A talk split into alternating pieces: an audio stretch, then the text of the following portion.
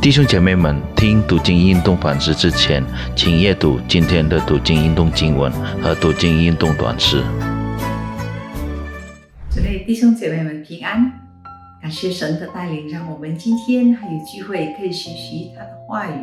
我们先低头祷告，爱我们的主，我们满心感谢你，你赐给我们新的一天，新的能力，也有机会可以学习你的话语。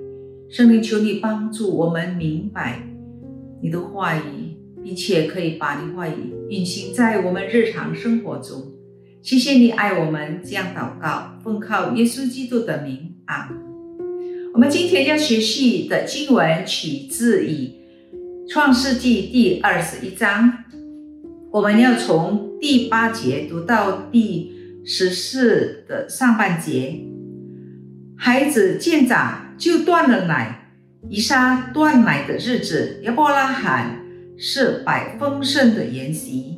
当时，莎拉看见埃及人下嫁给亚伯拉罕所生的儿子，嬉笑，就对亚伯拉罕说：“你把这使女和他儿子赶出去，因为这使女的儿子不可与我的儿子以撒一同承受产业。”亚伯拉罕因他儿子的缘故很忧愁。神对亚伯拉罕说：“你不必因这童子和你的使女忧愁，凡撒拉对你说的话，你都该听从，因为从以撒生的，才要成为你的后裔。至于使你的儿子，我也必使他的后裔成立一国。”因为他是你所生的，亚伯拉罕清早起来，拿饼和一皮带水给了夏家，搭在他的肩上，又把孩子交给他，打发他走。我们每一个人，不论在社会中或者在家庭中，总不能避免会发生冲突。在创世纪第十三章，当亚伯拉罕的仆人与罗德的仆人发生冲突时，亚伯拉罕就与罗伯、罗罗德分开居住来解决问题。然而，当亚伯拉罕与他的妻子莎拉发生冲突时，他感到很忧愁，不知道该怎么决定。莎拉对夏甲、他的妾身和他的儿子以色玛利感到很不自在，因此莎拉要求亚伯拉罕把夏甲和以色玛利赶出去。在创世纪第十七章，上帝与亚伯拉罕之业的继承者是呃以撒，上帝就。命令亚伯拉罕遵从莎拉的要求，然后亚伯拉罕就使母子离家。其实这个情况是因为亚伯拉罕听从莎拉的建议，娶了下嫁为妾的错误选择造成的。亲爱的弟兄姐妹们。亚伯拉罕的家庭故事教导了几个重要的家庭原则。第一，就是丈夫必须为他在家庭中所做的决定负责任。这也就是说，愿意承担决定的后果。所以，做丈夫的必须先慎重考虑，再做决定。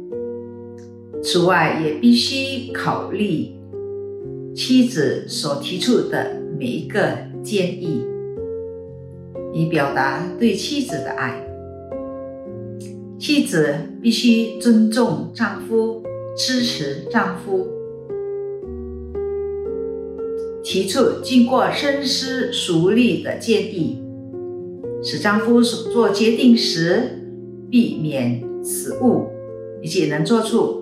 而服上帝的决定，主内弟兄姐妹们，若你是做丈夫的，当你要在家庭里做决定时，你是否有先来到神的面前祷告，求问上帝，让你所做的决定是给你的家人带来好处的，同时也符合上帝的旨意。无论在你家庭中发生什么事，你应爱你的家人，必须扛起这个责任，想尽办法解决。因你是家中的一家之主。身为妻子的你，有没有扮演好做丈夫帮手的角色，不惹是生非，而在凡事上？支持和辅助你的丈夫，尊重他所做的决定。当你的丈夫做错决定时，不责骂和责备他，但要学习接纳，并且给他机会从错误中学习，鼓励他，给他打气。上帝要我们学习尊重而支持我们的丈夫。我们低头祷告。我们在线上的父，我们感谢你提醒了我们每个人在家庭中必须扮演好我们的角色。